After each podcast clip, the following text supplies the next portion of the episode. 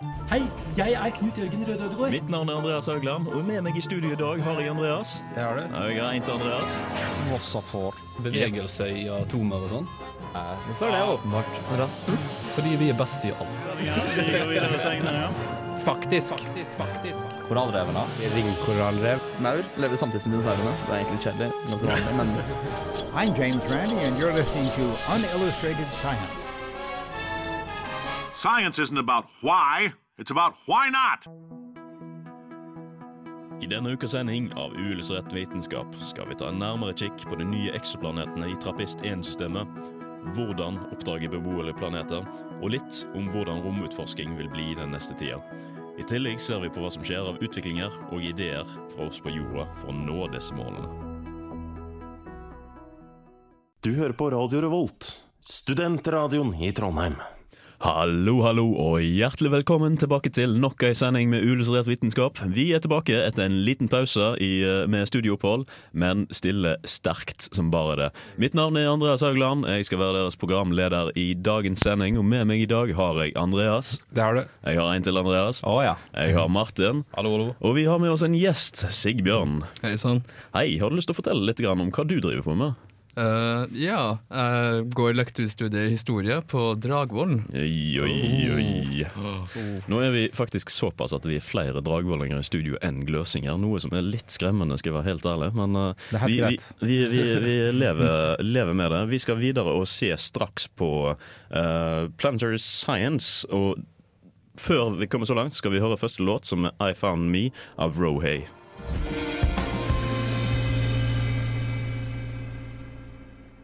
Science isn't about why, it's about why not. Why is so much of our science dangerous? Why not marry safe science if you love it so much? Ja, og i disse dager, da, eller for rettere sagt tre uker siden, så var det jo det store the big uh, thingy, not the big meme, men the big thing. Det var trappistsystemet. Og trappistsystemet skal vi snakke mer om seinere, men det ligger jo så langt som 39 lysår ifra uh, vår posisjon. Uh, Så hvis da du hadde vært i nærheten av den plassen der da, uh, og hørt på radiobølger sendt ut fra jorda, hvilke låter ville du hørt da? Du ville hørt Play That Funky Music White Boy.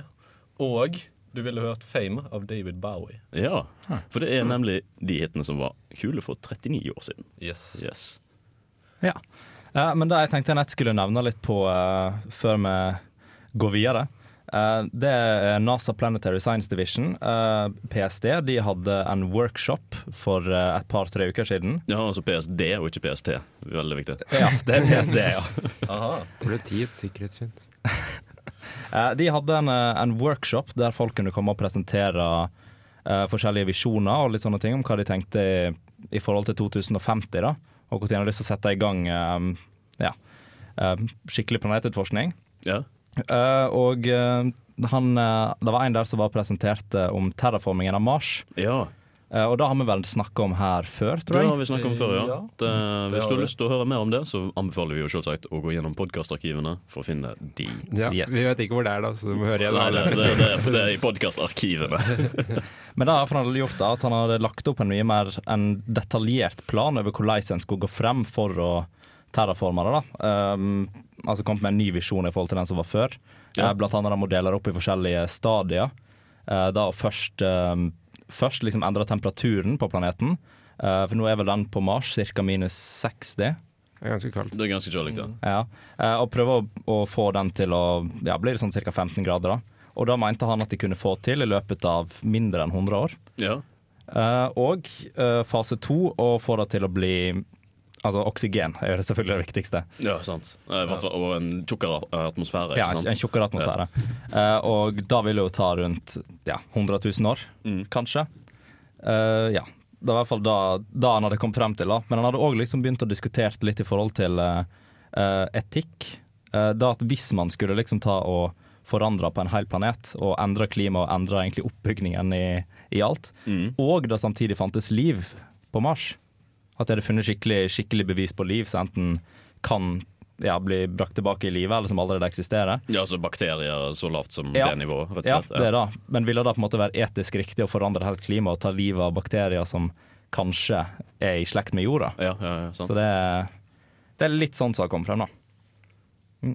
Ja, uh, og det er jo utrolig interessant fenomen, egentlig. Altså, ikke fenomen, men altså konsept, rett og slett. At en skal ta hensyn til sånne etiske retningslinjer. Eh, Ja, på en så stor skala òg. ja.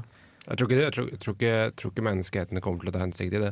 Nei, nei, nei, det tror ikke jeg heller. Nei, vi- Når, når, det, når det kommer et økonomisk perspektiv, så Ja. kommer ikke til- bakterier til å ha veldig stor innspilling i det hele tatt. Nei, vi er, vi er generelt flinke til å drite i ting. Mhm, Det er helt sant. Og, så, og sånn alles, man har jo òg teknisk sett gjort det på jorda allerede. Altså med, med, med drivhusgasser og sånne ting, så har jo egentlig det samme skjedd, det samme som kommer til å skje på Mars, hvis vi fortsetter i den, i den retning, retningen vi er på vei. da. Ja, det er helt sant. Uh, vi skal da uh, snakke litt grann mer om uh, trappist og eksoplaneter veldig, veldig snart. Det skal vi. Eh, men først nå så kommer da neste låt, som er 'Kid' av As He Said.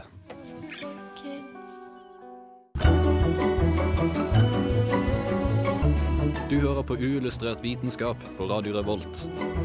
Nå med alle Andreasene du trenger, pluss to til.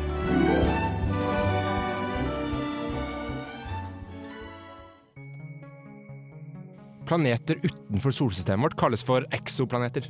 Og det er i min mening en av de mest spennende feltene innenfor astronomi.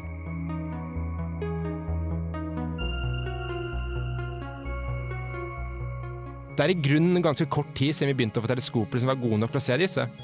De er små og gir ut veldig lite lys i forhold til stjernen de går i bane rundt. Så å prøve å se dem blir litt som å prøve å se Karlsvogna i fullt dagslys.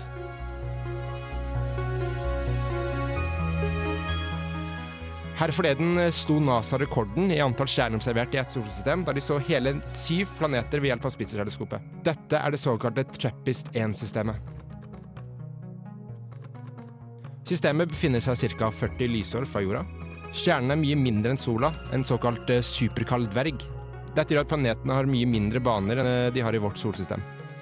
Du kunne f.eks. plassert banen til alle syv planetene godt innenfor den banen Merkur har i vårt. Dette er veldig kult, for hvis du hadde stått på overflaten til en av disse planetene, har du sett opptil syv fullt synlige planeter på himmelen. Og flere av disse ville vært større på himmelen enn det månen er på vår. Her har vi også noen av de beste kandidatene for utenomjordisk liv vi har sett til nå. Vi vet ikke om noen organismer som kan leve uten vann, og det er i grunnen nøkkelen til alt liv. Dermed er det bra at tre av planetene befinner seg i den såkalte beboelige sone rundt stjernen. Dette er området rundt en stjerne hvor temperaturen er høy nok til at vann ikke er is, og lav nok til at vann ikke er damp. Og ikke bare det. De fire andre planetene kan også potensielt ha flytende vann hvis de har de riktige atmosfæriske forhold.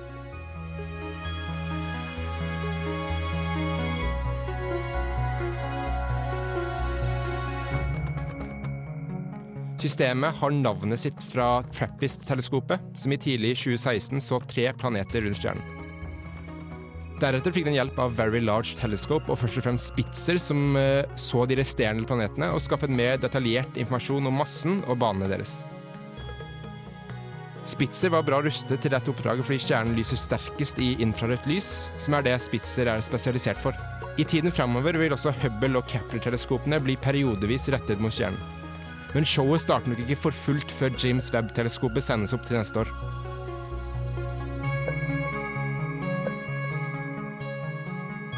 Jeg tror vi kan forvente å høre mange flere spennende nyheter om Trappist-systemet i fremtiden. Jeg gleder meg i hvert fall veldig. Og det er jo, altså Du sier dette, det høres ut som noe som er i science fiction, bare du ser i Star Wars. At du kan se flere fullt synlige planeter fra overflata til den Mm. andre. Det stiller jeg større enn månen. Det er jo science fiction-bilde nummer én, rett og slett, Mm. med en gang. Og det er jo utrolig interessant, da, for siden de ligger så nærme. Hvordan vil disse planetene være? og Hvordan er de, rett og slett? Ja, altså eh, Når man ser på planeter i andre solsystemer, så er det Da må man gå ganske Da må man liksom ha en veldig fysisk måte man eh, går etter å finne informasjonen, da. For du kan ikke bare se på dem. Nei, du, må, sant. Altså, du ser på eh, banen eh, planeten har rundt eh, stjernen sin, og ut fra det kan du bestemme massen. Og så kan du også se på størrelsen, og sammen med massen, den kan du dele på størrelsen, og Mm. da har du tetthet. Og når du får tettheten, da begynner du å få informasjon om hva planeten faktisk består av. Og ut fra tettheten vi har sett til disse planetene, tilsier at alle er steinete. Unntatt den ytterste, da, som vi ikke har bestemt massen på ennå, men som vi antar kanskje kan være en is, isplanet à Ja, la ja, Pluto. Uh, det som eh, er litt spesielt med noen av de planetene, da, det er at uh, de kanskje har bundet rotasjon til stjerna. Altså månen, uh, tenk på den. den på jord, jorda ser du alltid den samme sida av månen. Og når en planet går med bundet rotasjon rundt en stjerne, Mm. så er det bare én side av planeten som ser som får lys hele tida. Og det endrer jo en veldig stor temperaturforskjell mellom dagsiden og nattsiden. Ja, og da vil du få store høy- og lavtrykkssoner dersom det er en atmosfære der rett og slett som vil skape potensielt enormt store vinder. Ja, det, så det vinder blåser fra dagsiden til nattsiden. Mm. Og det kan jo bli problematisk. Men så er det jo heldigvis uh, flere planeter, og det er jo ikke garantert at alle er Nei, i sant, bundet Og sånn enkeltplanetene er da, så er det det at eh, de to innerste regner vi med at de er mest sannsynlig litt for varme Mhm. til, å, til å ha flytende vann. Eh, De tre i midten, de, de, er, de ser good ut. Nå vil jeg minne på at Venus er i den eh, beboelige sonen til, til, sola vår. ja. Så bare fordi noe er i sonen der de potensielt kan ha flytende vann, betyr ikke at de har det. Nei, nei, nei, helt sant. Helt sant. Det kommer veldig mye om på atmosfære. Eh, og atmosfære er, eh, er noe vi eh, kommer til å vite mer om etter hvert. Det er James Webb-teleskopet. Hva er det som gjør det så spesielt? Ja, det er akkurat det, da. Atmosfære. Eh, James Webb-teleskopet er et teleskop vi skal sende opp til neste år. Eh, og det er liksom det har jeg gleda meg til i mange år, fordi det blir liksom neste store teleskopet. da. Det kan liksom ta over for Hubble som det feteste teleskopet. Mm. Og det kan ikke bare altså det, det, Og så er det sånn teleskop som kan gjøre alt, da. Og det kan se på enda fjernere galakser enn vi noen gang har sett. Det kan se mer detaljer av galakser. Og det kan se på disse planetene. da. Og det som skiller eh, ut eh, James Webb eh, som spesielt, det er at det er veldig godt rusta til å se i nær infrarødt lys.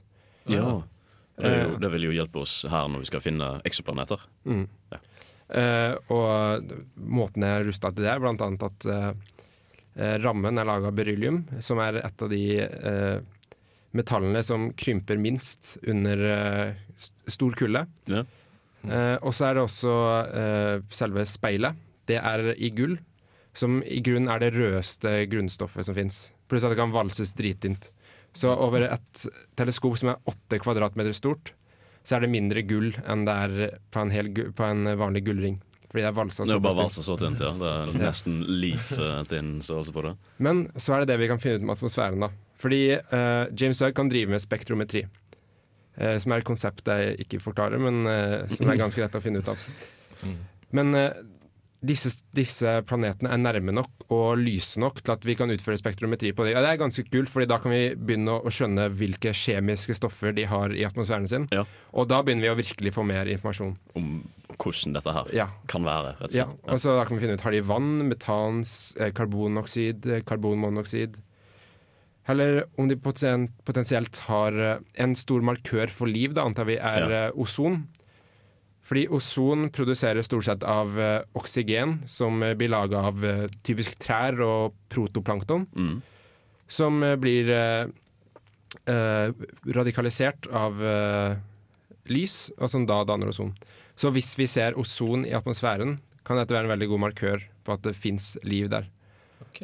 Og det er, det er ganske kult. Utrolig kult. Det er veldig kult. Det er jo, altså, sånn du sier, da, altså at Venus ligger jo i den beboelige sonen til vårt solsystem. Mm.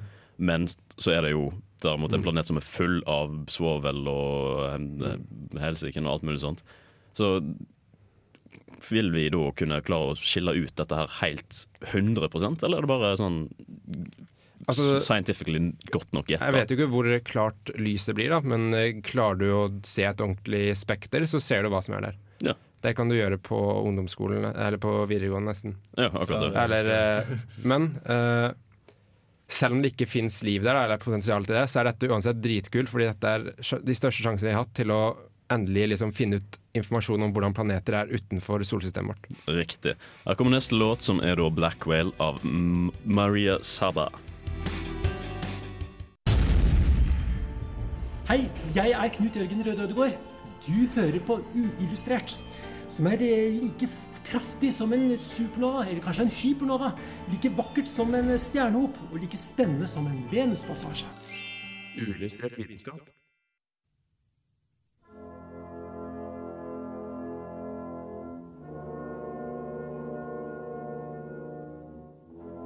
Eksoplaneter, altså planeter som går rundt en stjerne, er svært interessante i søken etter andre planeter som ligner på jorden. Og selv om NASA nylig fant en haug av de, virker det ikke som de er helt fornøyd med tingenes tilstand for øyeblikket.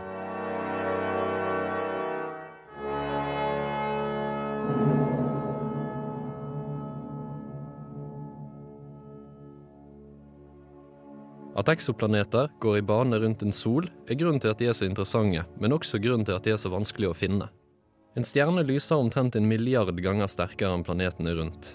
I tillegg er planetene, sett fra vårt perspektiv, svært nær stjernen. Dette gjør at planetene forsvinner i det sterke lyset fra stjernen. NASAs Jet Propulsion Laboratory og en rekke andre selskaper finansiert av NASA har i de siste ti årene jobbet med en løsning.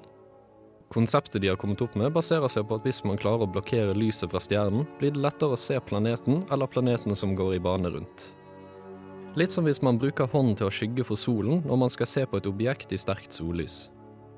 NASA holder dermed på å konstruere en stor skjerm som skal plasseres foran et teleskop i verdensrommet. Dette skjermer for det kraftige lyset fra stjernen, og dermed gjør det lettere å oppdage potensielle planeter som går i bane rundt den. Skjermen er formet som en stor blomst med blader som må være konstruert med en presisjon på 50-100 mikrometer. Et ambisiøst prosjekt som foreløpig bare består av en stor pappmodell og årevis av forskning. Og videre finansiering av prosjektet er for øyeblikket uklart. Når den sendes opp, og hvis den sendes opp, er kanskje usikkert. Men om det fungerer, kan det gjøre fremtidige funn av jordlignende eksoplaneter mye lettere.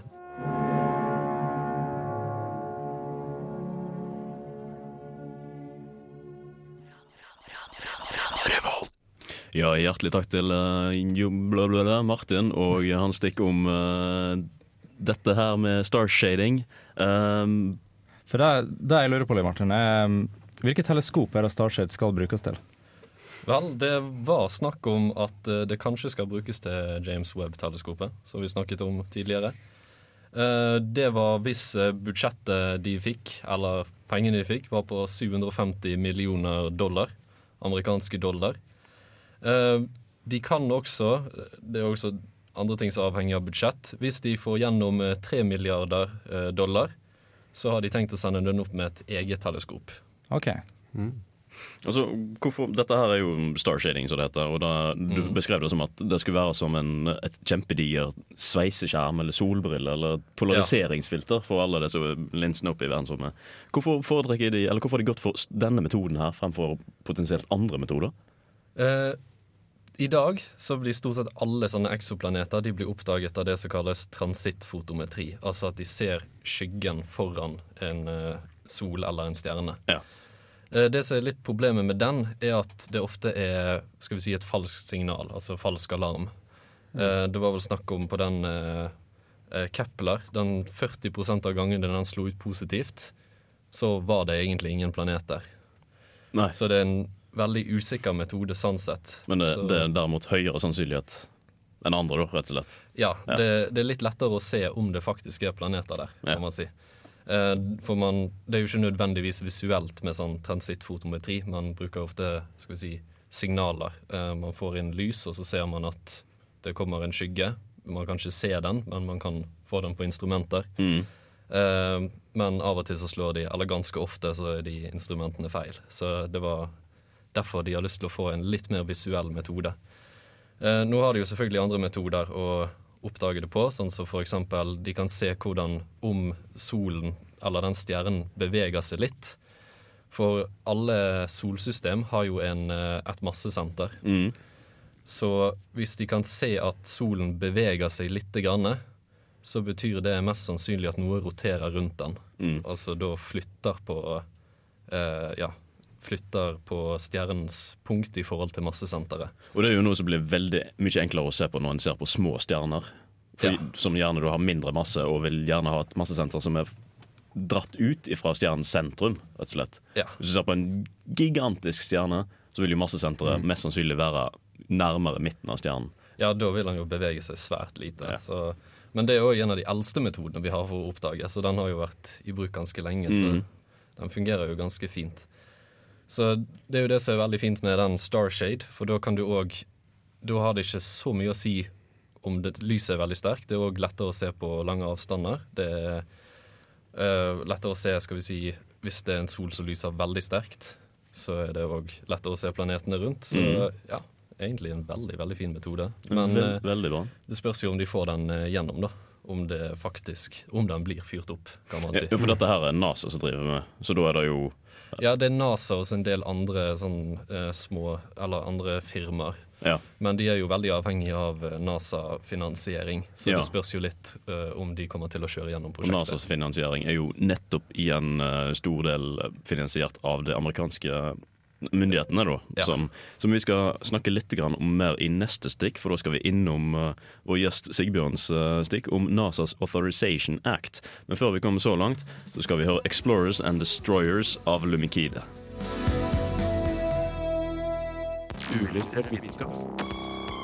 Radio Revolt. This is Charles L. Bennett from Johns Hopkins University. Science, works, bitches.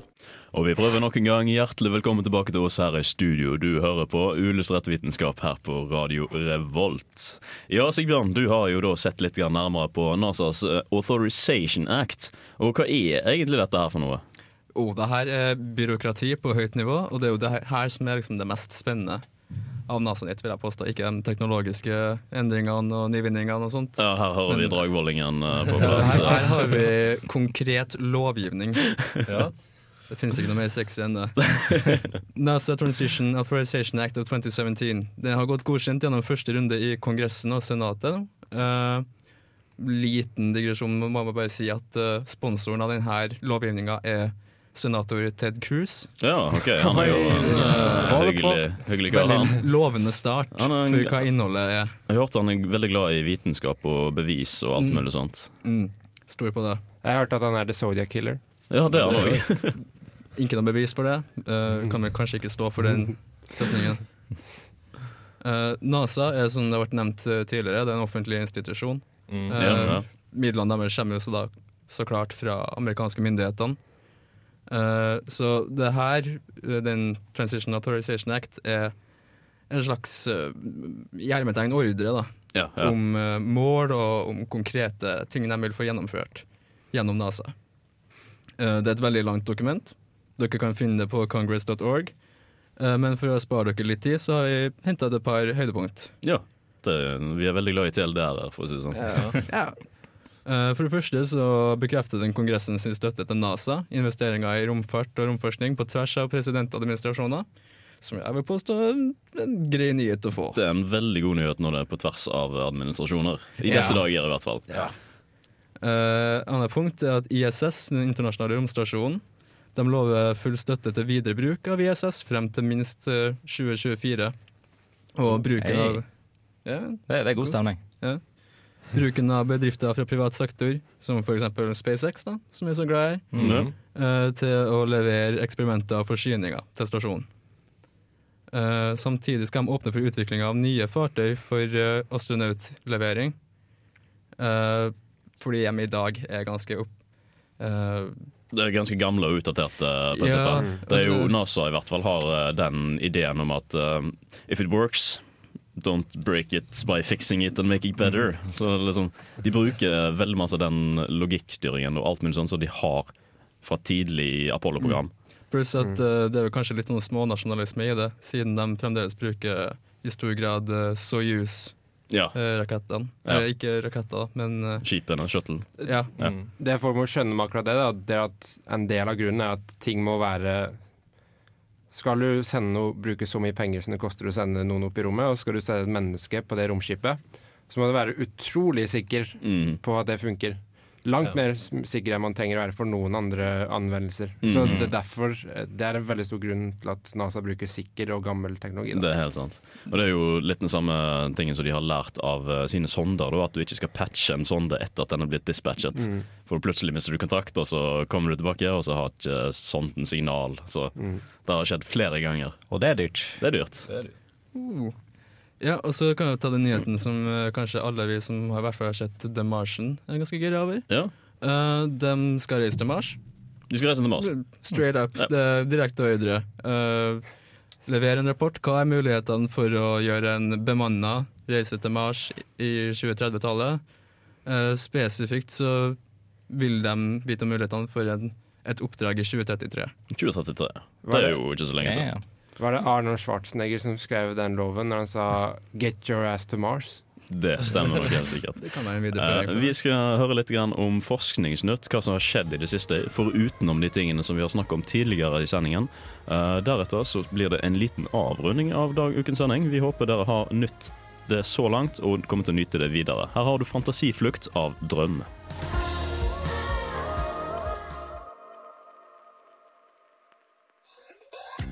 Tyngdekraften. Å ja! Han har jeg hørt om. Galileo Galilei. Det er jo for godt til å være sant. Lars Monsen. Dette setter jeg pris på, ass. Tycho Brahe. Mm. Ah. Krass fysikk.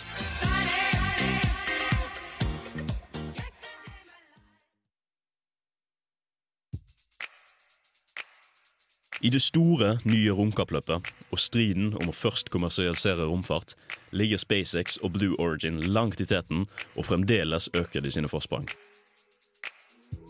Denne konkurransen er det mest drivende som har skjedd for å utforske verdensrommet siden den kalde krigen i etterkrigstida, og med presentasjoner som hvordan SpaceX vil komme seg til Mars, nye gjenbrukbare gigantiske romskip og Raptor-motorer drevet av flytende metan, har selskapet bidratt til å dramatisk redusere kostnadene for å sende noe opp ifra jorda og ut i verdensrommet.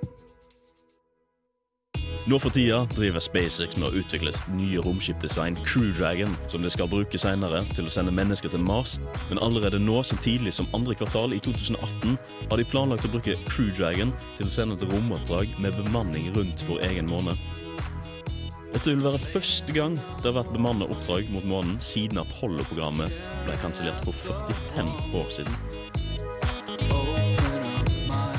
Like the Apollo astronauts before them, these individuals will travel into space, carrying the hopes and dreams of all humankind, driven by the universal human spirit of exploration, sier Elon Musk. Foruten om alle nyhetene som trappistsystemet, eksoplaneter og hvordan finne dem, samt NASAs nybevilgede finansiering for å nå Mars, har også NASA planer om å skyte opp et oppdrag til Jupiters måne, Europa. Sonden skal gjøre 40-45 omløp rundt månen og skal ta høyoppløsningsbilder av overflata og gjøre undersøkelsen av strukturen og oppdygningen av isen som utgjør overflata. Som kjent antas det at Europa har store salte hav under overflata, så et av de store målene er å finne ut om Europa har de tre betingelsene for liv. Flytende vann, riktig kjemisk innhold og energikilder gode nok til å tillate biologisk liv.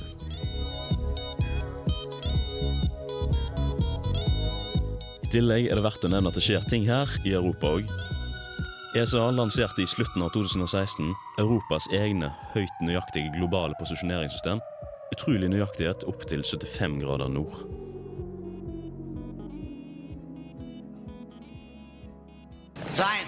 Scientists, please. Looking for some order.